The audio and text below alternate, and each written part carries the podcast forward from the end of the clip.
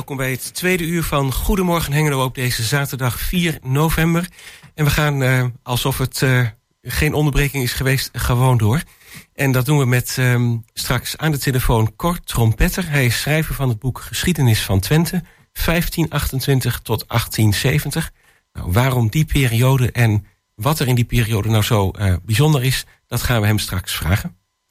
Ja, en dan hebben we ook een interview hier in de studio met een aantal deelnemers en de artistiek leider van ja, inmiddels toch wel landelijk ook bekende theatergroep Kamak. Mhm. En zoals u weet, Kamak, dat zijn mensen met een verstandelijke beperking, maar die prachtige toneelstukken maken. En over het volgende toneelstuk uh, en de keuze daarvoor gaan we met, uh, met hen praten. Ja, en dan Chris, uh, Ja. jou... eh, ja, Ja, ja, ja. Ik bedoel, ik heb in mijn jeugd zoveel met Lego gespeeld. Soms bijna alleen maar. Eh, we gaan straks praten met Rick Venus. Ehm, die, het is wel een ingewikkelde constructie. Ik moet ook even heel goed aan hem vragen. Of we moeten zo even heel goed aan hem vragen hoe het nou met die constructie zit. Maar uiteindelijk is er een project dat heet de Lego Loods. En uh, daar worden dus uh, ja, stukjes Lego worden uh, ingezameld, gewassen. En dan weer opnieuw ja, setjes van gemaakt. En die kun je tegen een leuk maatschappelijk prijsje weer te kopen. En ja, hoe dat nou precies in elkaar zit, ga ik dus allemaal aan die Rick Venus vragen. En misschien kan ik nog een leuk doosje op de kop tikken voor een leuk prijsje. Nou, dat hoop je nu al. Ja. En um, Mirella Jellema van Schouwburg Hengelo, onze vaste gast eigenlijk uh, deze keer een keertje niet. Maar dat betekent niet dat er in de Schouwburg niet van alles te doen is. Dat is gewoon ook te zien op de website schouwburghengelo.nl. Uh, als het goed is, komt zij volgende week weer. Jazeker.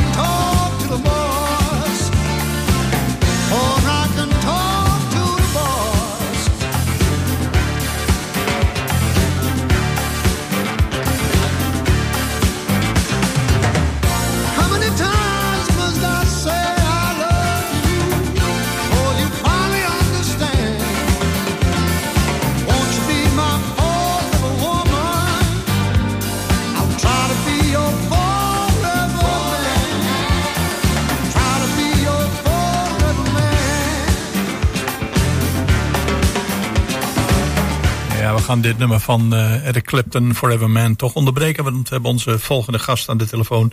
En dat is... Uh... Ja, dat is uh, Kort Trompetter. schrijver van het boek Geschiedenis van Twente. 1528, 1870. Welkom in de uitzending. Hallo. Um, ja, dat boek, um, daar heb ik meteen wel een vraag over. Hoe komt iemand die in Wolvenga woont... erbij om een boek te gaan schrijven over de geschiedenis van Twente? Nee, ik zou bijna zeggen van hoe, uh, hoeveel tijd hebben we in de uitzending. Maar nee, uh, ik ben uh, vanaf eigenlijk 19, nou, 1990, 1992 bezig met onderzoek naar, naar Twente. Oorspronkelijk naar de doopsters in de textielondernemers uit de 18e eeuw. En dan raak je een beetje verslingerd aan zo'n gebied. En van het een komt het ander. En dan um, krijg je ook nog eens een keer een opdracht om een boek te schrijven over stad en gericht Almelo in de 17e eeuw. Nou, en voordat je het weet uh, ben je aan de Twente verknocht geraakt. En uh, zo is het eigenlijk gekomen. Aha, ja, dan, dan ben je al in een paar onderwerpen diep ingedoken. Ja, dat, dat, dat moet haast wel. als je echt helemaal van niks van scratch begint, dan, dan, wordt, dan wordt het hem niet. dat, dan ken je de literatuur niet, maar dan, ja, dan is het gewoon ook heel moeilijk om jezelf een beeld te vormen van hoe zo'n samenleving in het verleden in elkaar gezeten heeft.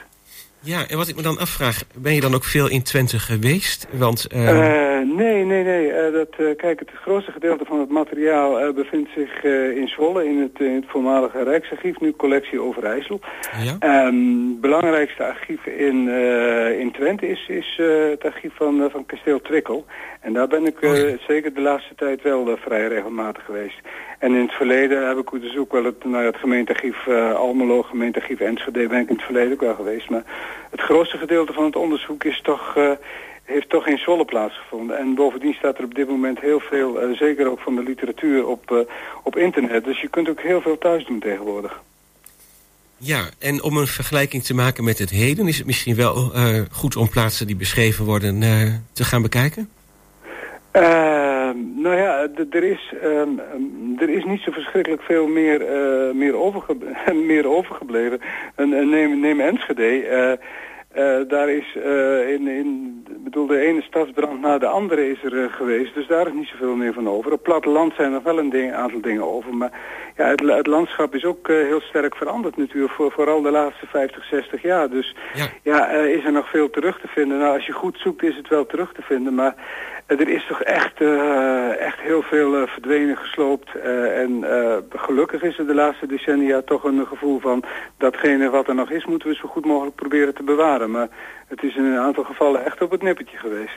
Ja, ja, nou en zeker dat begin van het boek 1528... dat gaat wel erg ver terug in de tijd.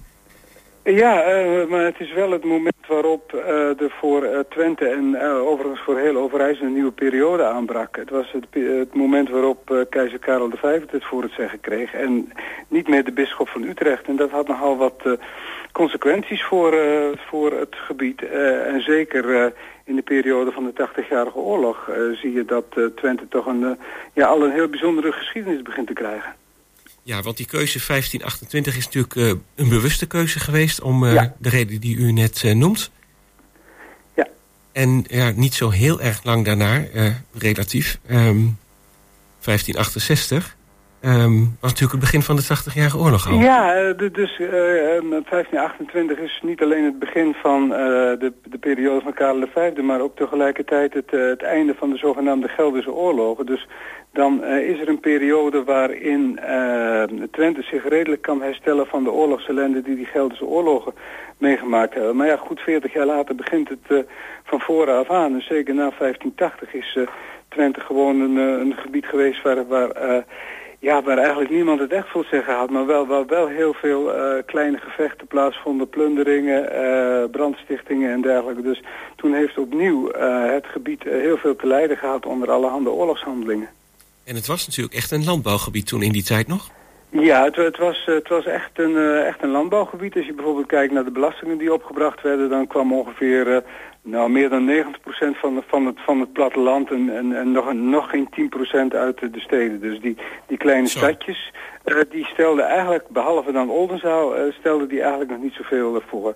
Dat kwam eigenlijk pas in de loop van de 17e eeuw toen, uh, zeker in Almelo, maar later ook in Enschede, de textielnijverheid een grote vlucht nam. Ja, want hier met Jos Klasinski Oldenzaal speelt wel een prominente rol in het boek. Hè? Heeft dat te maken met, met, met het bisdom, met de kerk?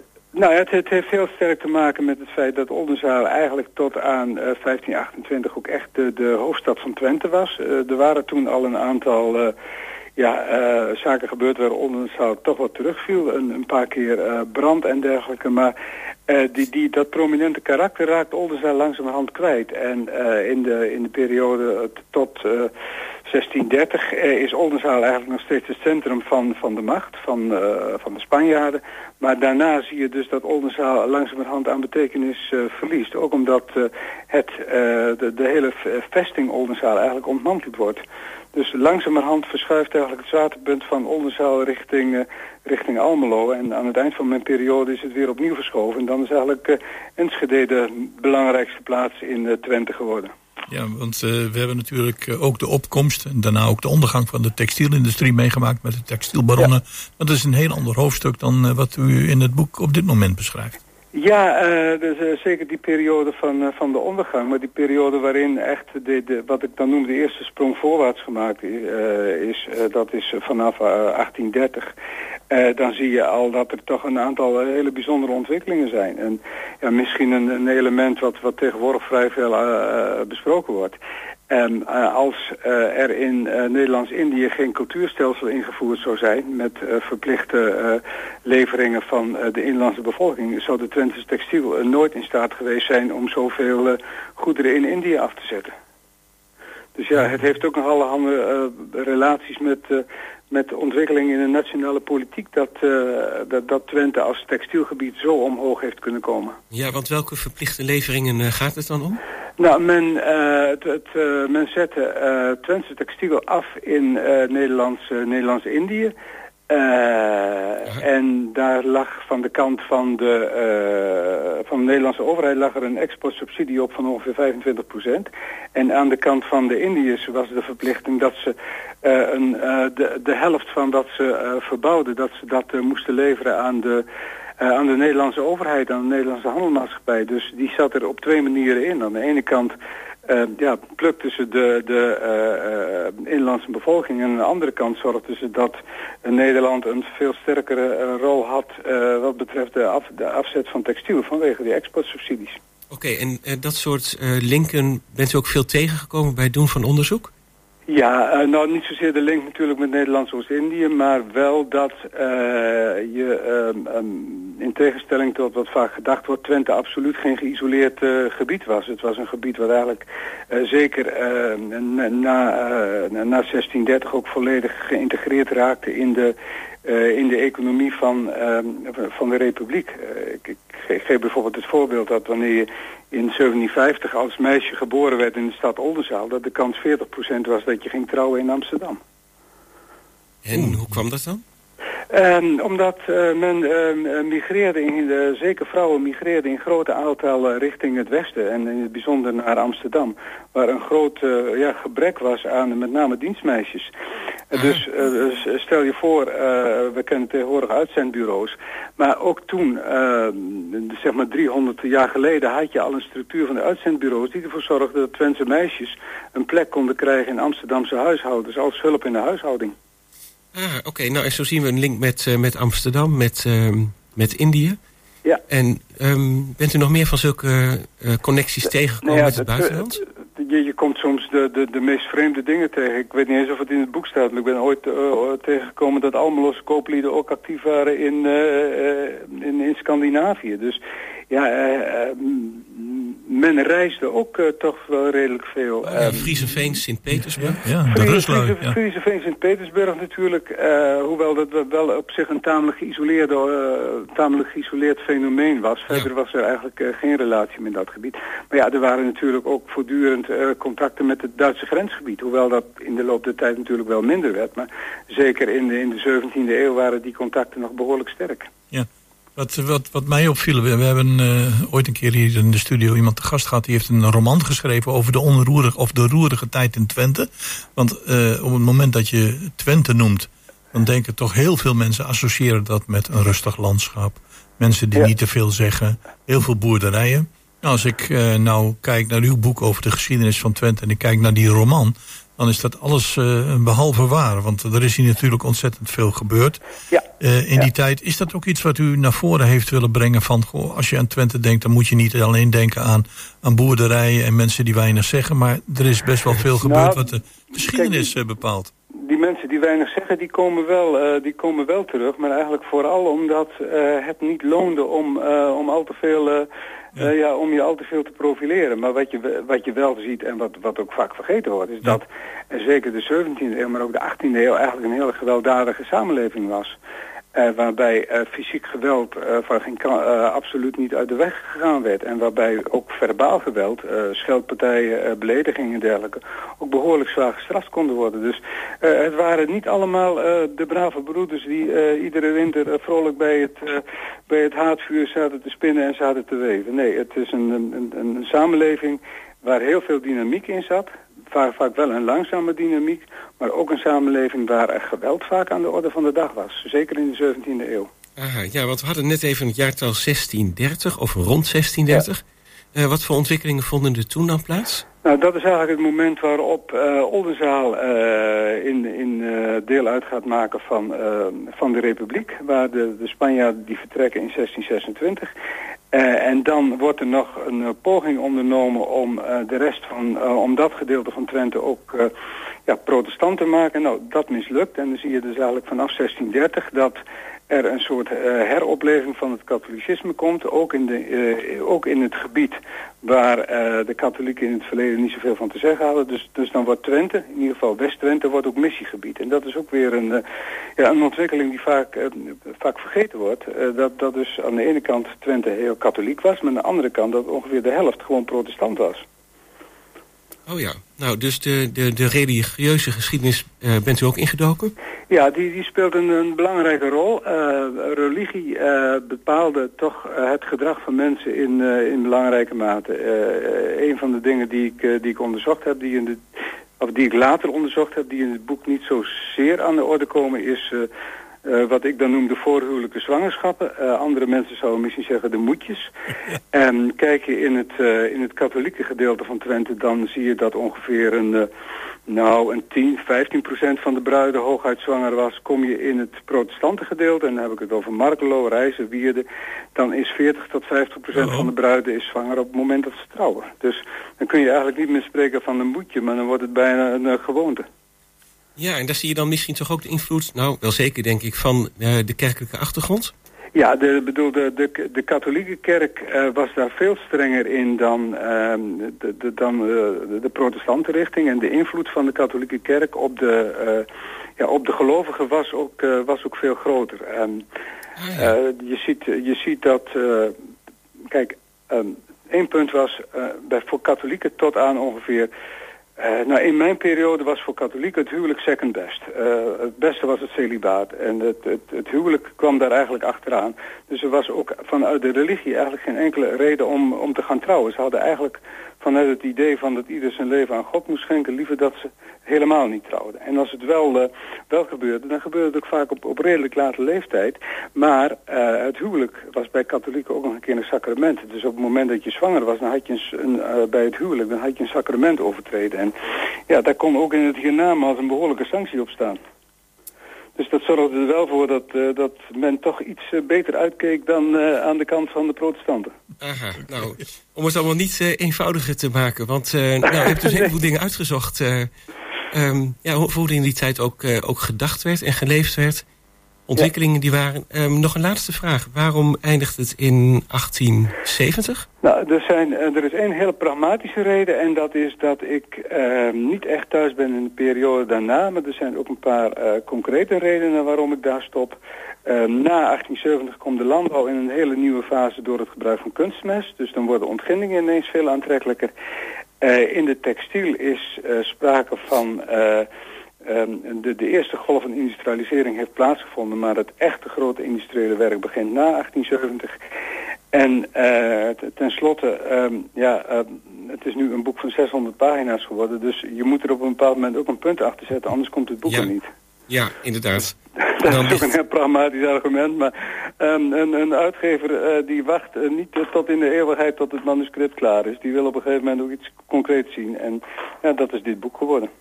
Nou, klinkt uh, heel interessant. 1528 tot 1870. En dan gaat het over de geschiedenis van Twente. Um, volgens mij met heel veel research, uh, heel nauwkeurig uitgezocht door uh, Kort Trompetter. Hartelijk bedankt. Dankjewel. Hoi. Tot ziens.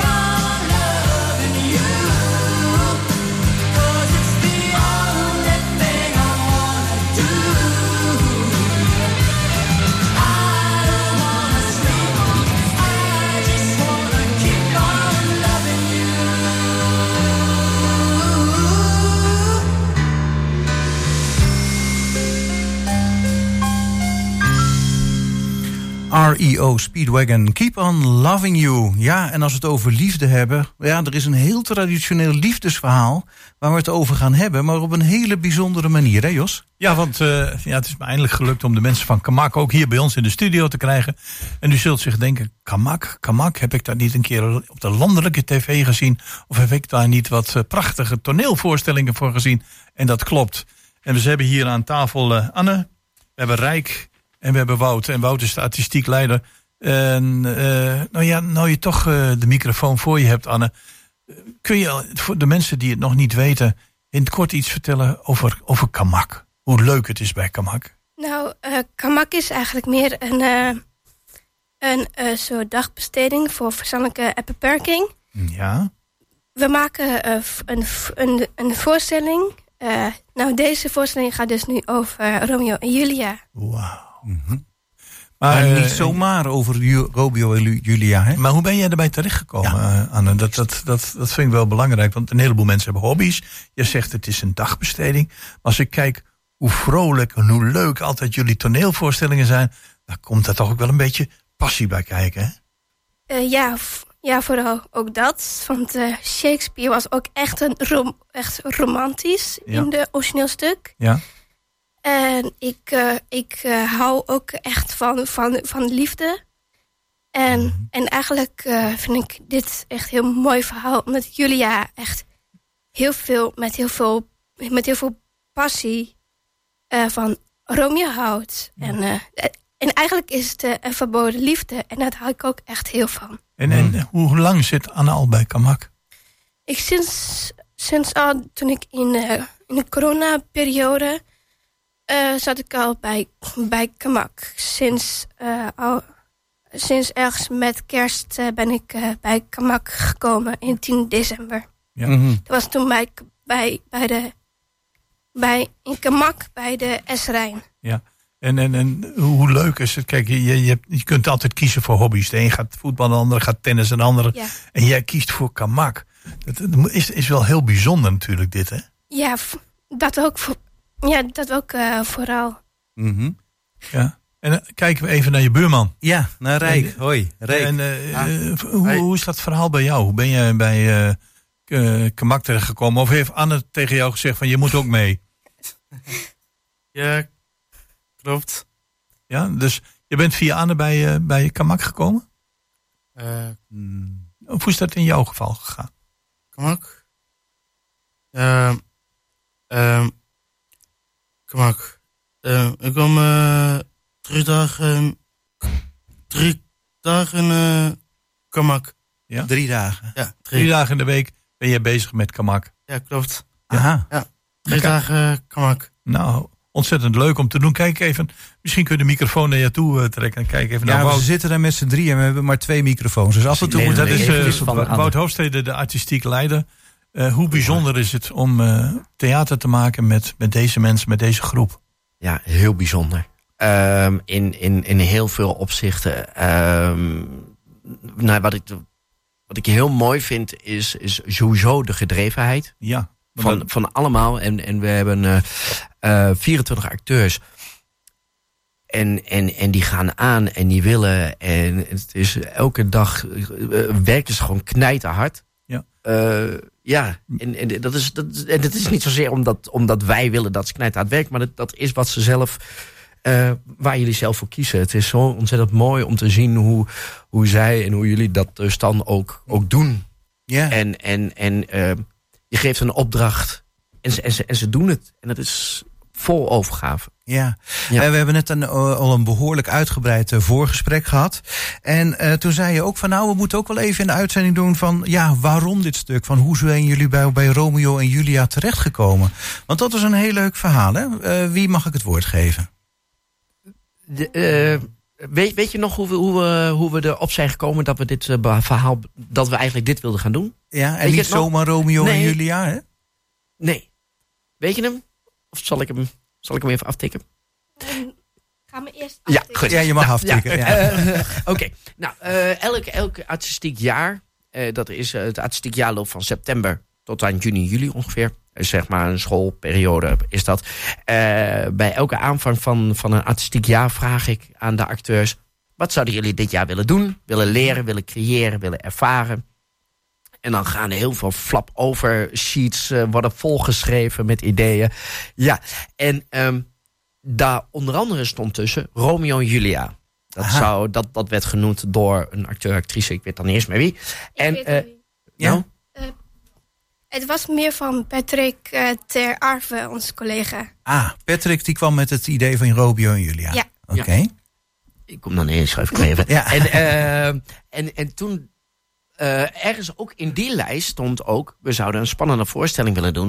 Een beetje als baantje. Hm, een detective. Een detective. Aha. En die hebben we samengevoegd. Nou, dat vind En ik, hoe kom je op het- het idee om dat samen te gaan voegen eigenlijk? Ja, nou ja, hoe kom ik op het idee? Het, het wordt aangedragen door de acteurs. En, en, en ehm, ja, daar, daar gaan we dus mee aan de slag. Ja, het is dan eigenlijk een soort gezamenlijk proces. Zo, hoe Ja. jullie dan bij Romeo en Julia terecht zijn gekomen. Ja, meets Baantje. Ja.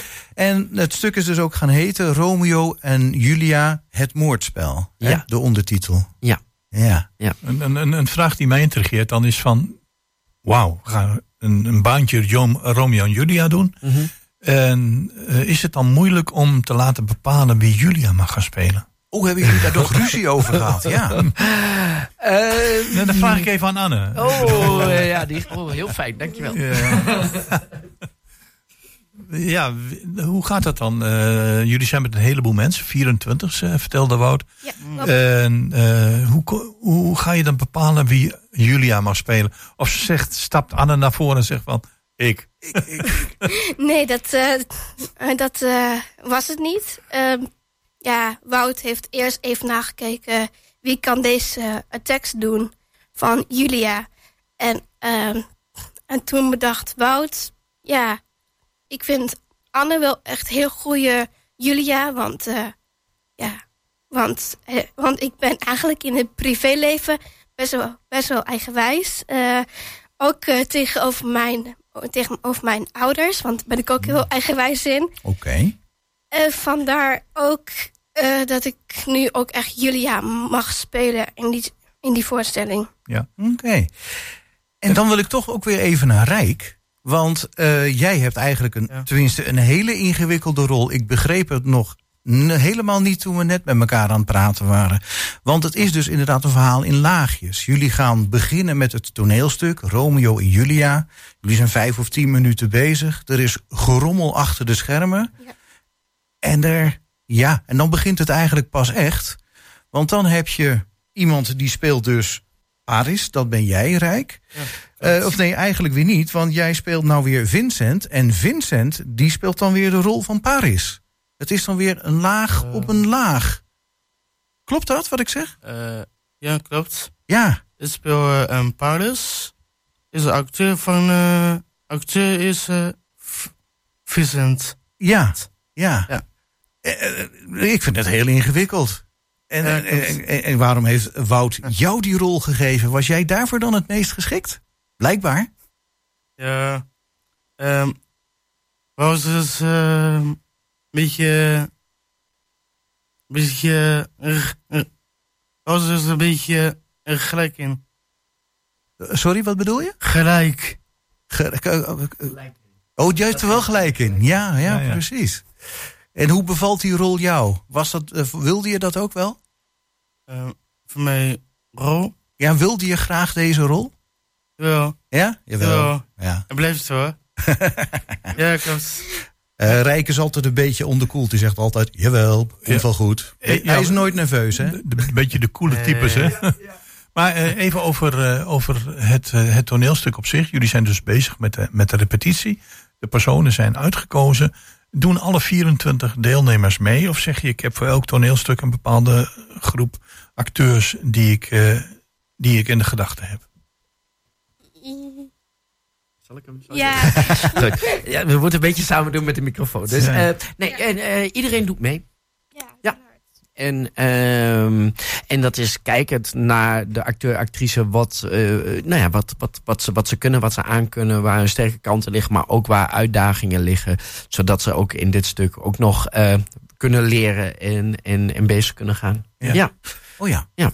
Voordat we het vergeten. De manier waarop de teksten zijn aangeleverd. Daar hebben we het nog niet over gehad.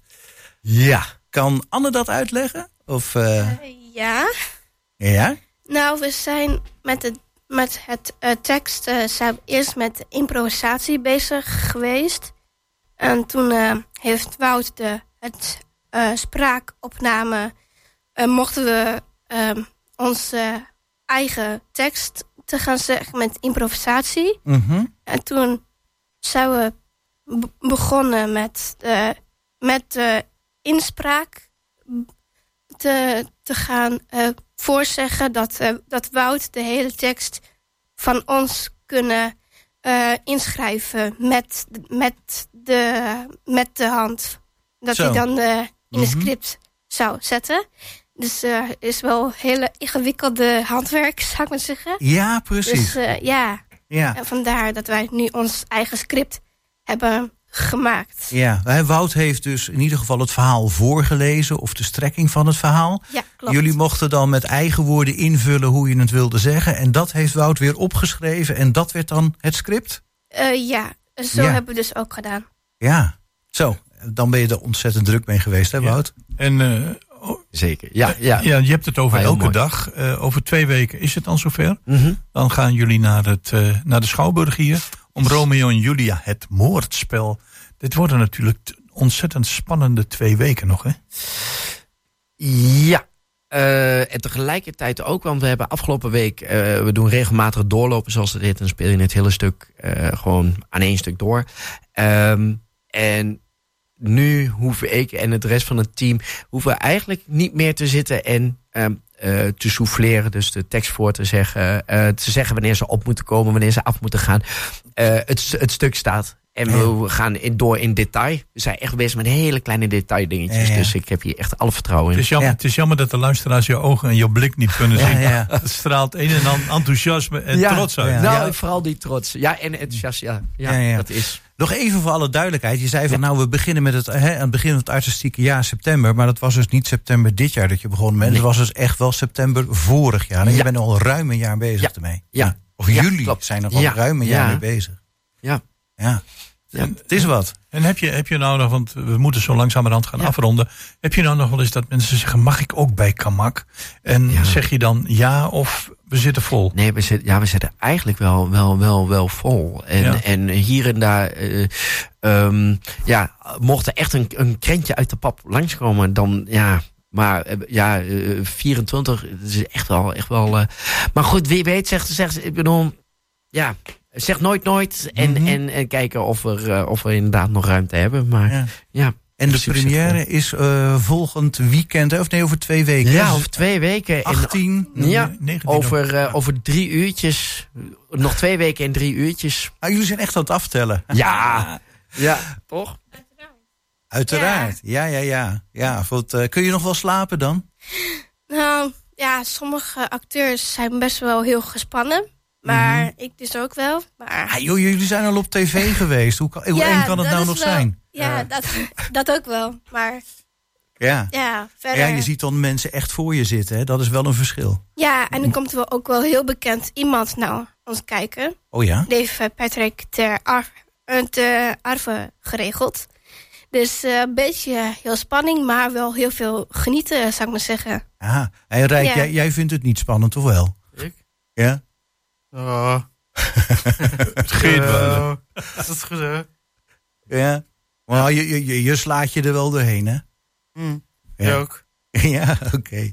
Nou, dan eh, zou ik zeggen, eh, alle aanwezigen, Wouts, Anne en Rijk, bedankt Ja. voor jullie komst naar de studio. En ontzettend veel succes de komende twee weken nog met eh, de laatste loodjes voor dat prachtige stuk Romeo en Julia. Wat opgevoerd gaat worden in, eh, in de Schouwburg hier eh, in Hengelo. Ja. Nou, voor de precieze tijden verwijzen we even naar de Schouwburg Hengelo, de agendapagina. Daar staan de tijden en de prijzen staan daar precies in. Bedankt nogmaals en succes. Dankjewel. Ja.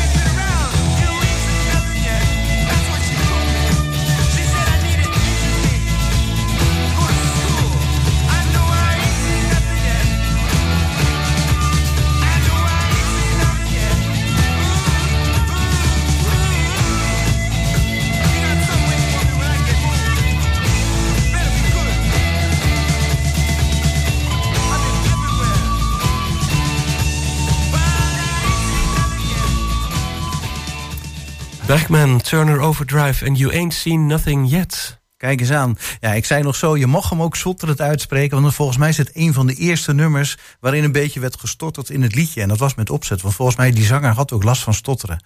Maar goed, dat moet ik nog eens even nazoeken op de Wikipedia. Ja, lijkt me een goed idee. We, we hebben tegenover ons inmiddels Rick Veners. Welkom in de uitzending. Fijn dat je kon komen. Dankjewel. Ehm, jouw functie en hoe dat nou precies zit met de Lego-loods, dat mag je gaan uitleggen. Want we gaan het hebben over de Lego-loods. En ik heb inmiddels begrepen dat dat een project is... die dan weer eh, georganiseerd werd door de stichting Lemon. Klopt. En jij bent van factor 2. Nou, dan heb ik al een heleboel vraagtekens. Ja, ja, ja. nou, eh, Stichting Lemmen eh, werkt samen met, met Factor 2. Ah, Factor mhm. 2 is een, een, een arbeidsreintegratiebureau. eh, waarbij wij werk met zorg combineren. En eh, vanuit eh, eh, de factorijn 074, dat is de leerwerklocatie, worden verschillende ja, leerwerkprojecten aangeboden. Waarbij eh, een stukje dagbesteding aangeboden wordt, maar waarbij ook de mogelijkheid is om ja, je, je door te ontwikkelen naar een, naar een arbeidsplek. Ah, oké. Je hebt dan de, dus je hebt dan factor 2 en de locatie is dan de fa- 074 factorij. Klopt, ja. Nou, is dat alvast helder? Ja. En dan de stichting Lemon nog. Ja, ja. ja Stichting Lemmen staat voor leren, meedoen en ontwikkelen. Dus eh Lemmen. Ah. En ja, goed, eh, eigenlijk in de naam eh, ja, zit alles al opgebogen eigenlijk. Dus eh, het leren, het meer, ja, meedoen en het ontwikkelen van je, van je eigen persoon. Eh, ja, waarbij we ons richten op ja, jongeren, jongvolwassenen die eigenlijk een beetje tussen wal en schip raken.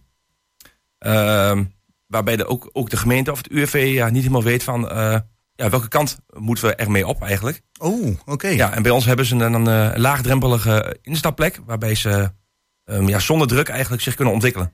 Oké, want de afstand tot de arbeidsmarkt is dan te groot op dat moment? Ja, dat klopt. Ja, ja, ja. Er zit met name ja, een stukje misschien een, eh, ja, een st- een stukje autismestoornis, eh, ADHD. Ja, je hebt allerlei redenen waarom je va- vast kunt lopen in je leven. Ja.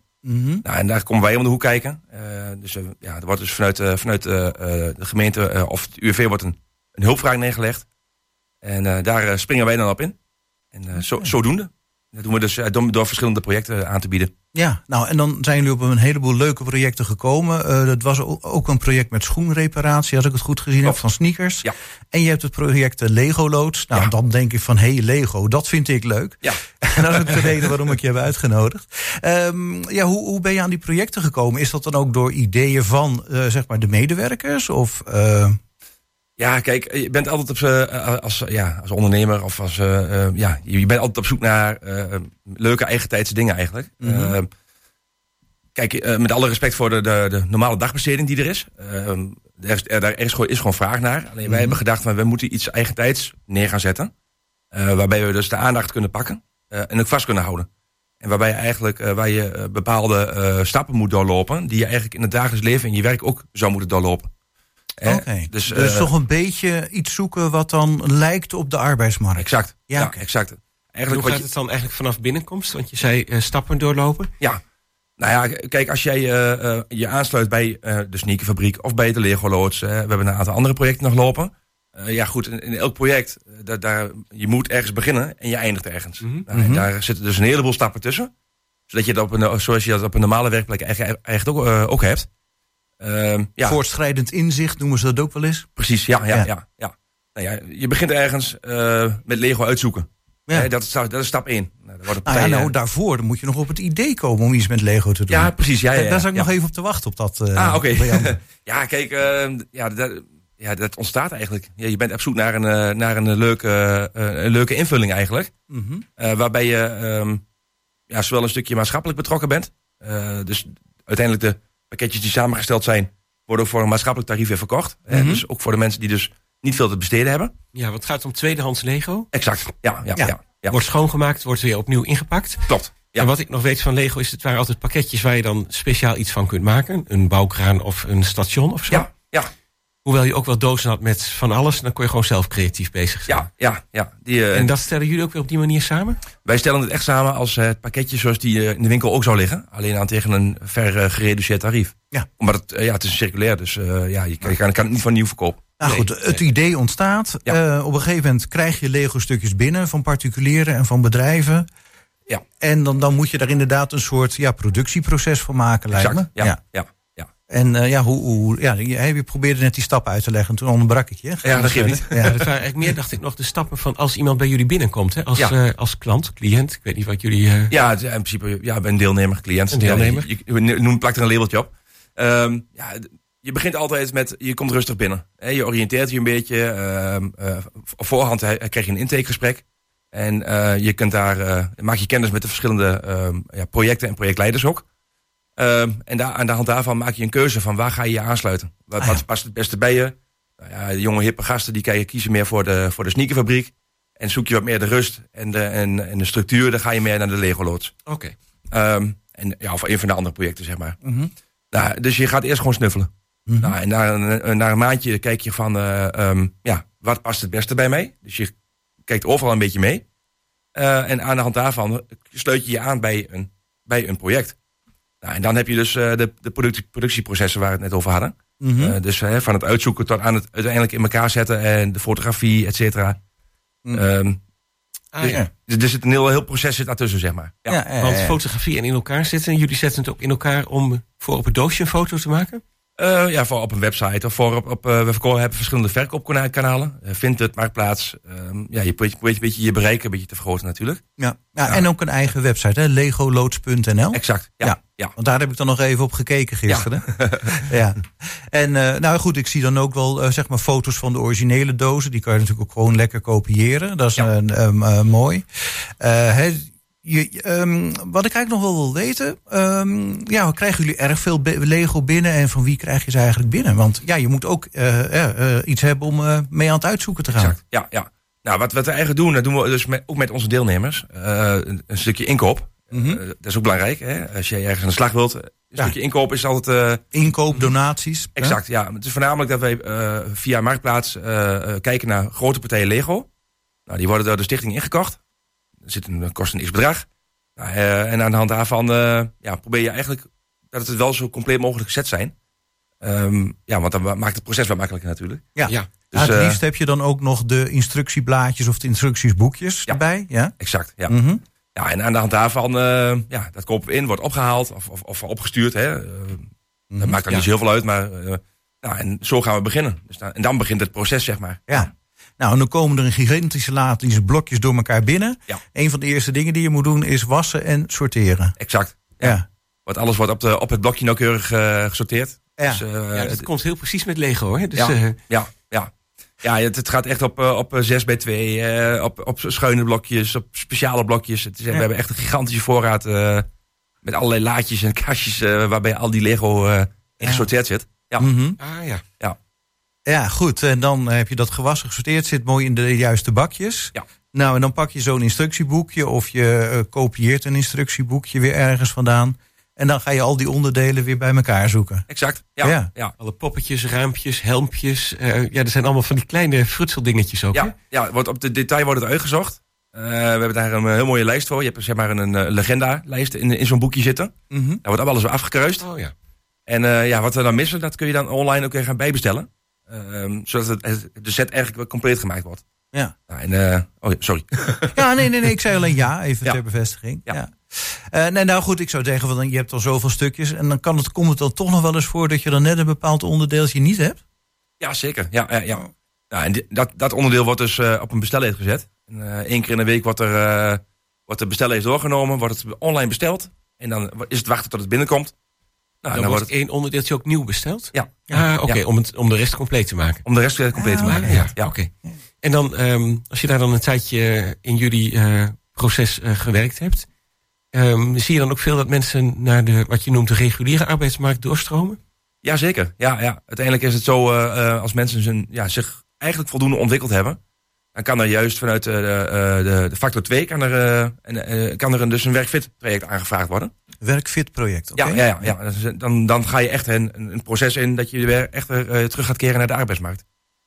En dan in allerlei beroepen natuurlijk, ligt ook aan iemands achtergrond, opleiding. Ja, nou, we kijken natuurlijk wel meer van wat wil je eigenlijk? Eh, waar ligt jou, eigenlijk jouw wens? En daar proberen we zo goed mogelijk eh, eh, op aan te sluiten. Want jullie hebben, hebben dan nog contact met eh, de deelnemers of begeleiden nog? Ja, wij- wat wij kunnen doen, wij kunnen vanaf de instap tot aan de uitstroom kunnen wij eigenlijk alles begeleiden. Dus eh, eh, ja, van het, het, het ontmoeten en het meedoen. Hè? Dus eh, zorg dat je die veilige haven bent voor de persoon. Waar mensen zich eh, op hun gemak voelen. Tot aan straks de uitstroom en je gaat aan het werk. Daar kunnen, kan daar een stukje jobcoaching aan, eh, aangehangen worden. Ja, precies. Ja. Ik kan me voorstellen dat ook die medewerkers ook wel het heel erg waarderen dan. dat je dat ze in zo'n project mee mogen doen en dan dat begeleid hopen we wel. Ja. ja. Nee, maar dan, tenminste, ik, ik, ik, wou aan je vragen, merk je dat ook? Van, eh, goh, nou, Ja. Ja, wat je nu al ziet, we, we hebben eh, diverse personen die inderdaad, eh, inderdaad doorgestroomd zijn eh, naar werk. Maar die toch eh, op hun vrije dagen toch het heel prettig vinden om terug te komen. Oh ja. Eh, en toch eh, lekker bij, bij ons bezig te blijven. En ja, goed, dat is, dat, is, dat is wel de bevestiging dat je eigenlijk eh, lekker bezig bent met elkaar. ja, een be- bepaald thuis, een bepaalde be- vertrouwde omgeving die je gecreëerd hebt. Ja, Ja, mooi. ja. Ja. En dan voelen ze echt toch wel, eh, oké, eh, ik kan thuis gaan zitten. Hè? En dan, eh, dan met het gevaar dat, dat ik toch wel een beetje in mijn oude patroontje terugval. Of ik ga toch, eh, eh, ik pak mijn boeltje en ik ga richting eh, de factorij. Om daar toch gewoon mijn, eh, mijn dag gewoon lekker eh, in te vullen. Ja, precies. En wat ik me nog wel even afvroeg, de factorij staat ook in Hengelo, is ergens... eh, Ja, ja, ja, het is gelegen aan de Enschedeze straat, 218. ach- Achter Kastelein. Ja. Sandel. Ja, Ah, maar oh, van- ja. zonder te- reclame te willen maken vlakbij die Lidl, die grote daar aan de Enschedeze straat. En de motorzaak. Hè? Ja, precies. Ja, Nee, daartussen. precies. Nee, maar dan, heb Ja. ik wel, eh, dan weet ik wel waar het is. Ja, Oh, Ja. oké. Dus, ja, eh, ja, ja. hier vlakbij. Ja, eh, ja, want eh, ja, hoe lang bestaat het al? hoe lang bestaat eigenlijk dat project eh, Lego Loods? En hoe lang bestaat het, ja, die factorij, of factor 2 al? Factor 2 bestaat nu anderhalf jaar, even uit mijn hoofd. En de, ja, de Lego loods eigenlijk, eigenlijk ook. Ja, Oké. anderhalf. Nou, dan wordt het toch hoofd. tijd dat wij er ook een keertje wat mee het, eh, van te horen hebben gekregen. Ja, ja, ja. Ja, nee, dat is zeker heel eh, fijn. Ja, eh, dat werd toch hoog tijd. Nou ja, eh, zoals ik al zei, ik was dus eh, zeker geïnteresseerd in Lego. Eh, maatschappelijke prijzen. Ja, we, zitten bijna aan het einde van het eh, uur. We hebben nog een paar minuten. Eh, nog één vraagje. Eh, maatschappelijke prijzen. Ik had dan op de website gekeken en dan zag ik sommige dozen. Ik denk van, oh, nou, dat is nog een behoorlijk bedrag. Hè. Ja. Dan zag ik een of andere brandweerkazerne voor 50 euro. Maar als ik dan keek, brandweerkazerne nieuw was 250 euro. Juist. Dus je kan inderdaad aardig wat geld besparen als je dan via de Lego Loods wat gaat bestellen. Dat klopt. Ja, Ja. ja. ja, ja, Ehm, ja, ik wil je hartelijk bedanken voor, de, voor deze uitleg. En eh, ja, ook eh, succes met de projecten. En niet alleen de Lego Loods, maar ook de sneakerfabriek zoals je noemde. En nog een paar websites. Kijk anders dan op delegoloods.nl of op eh, de website van Factor 2. Daar zijn ook de andere projecten te zien. Eh, Rick Venus, heel hartelijk bedankt dat je naar de studio bent gekomen. En heel Ja. veel succes met, eh, ja, met de projecten. Dankjewel. Bedankt voor de uitnodiging. Dankjewel. En daarmee zijn we ook eh, aan het einde gekomen van twee uur Goedemorgen Hengelo. Eh, namens het hele team bedankt voor het luisteren en een heel goed weekend. En heel graag tot de volgende keer.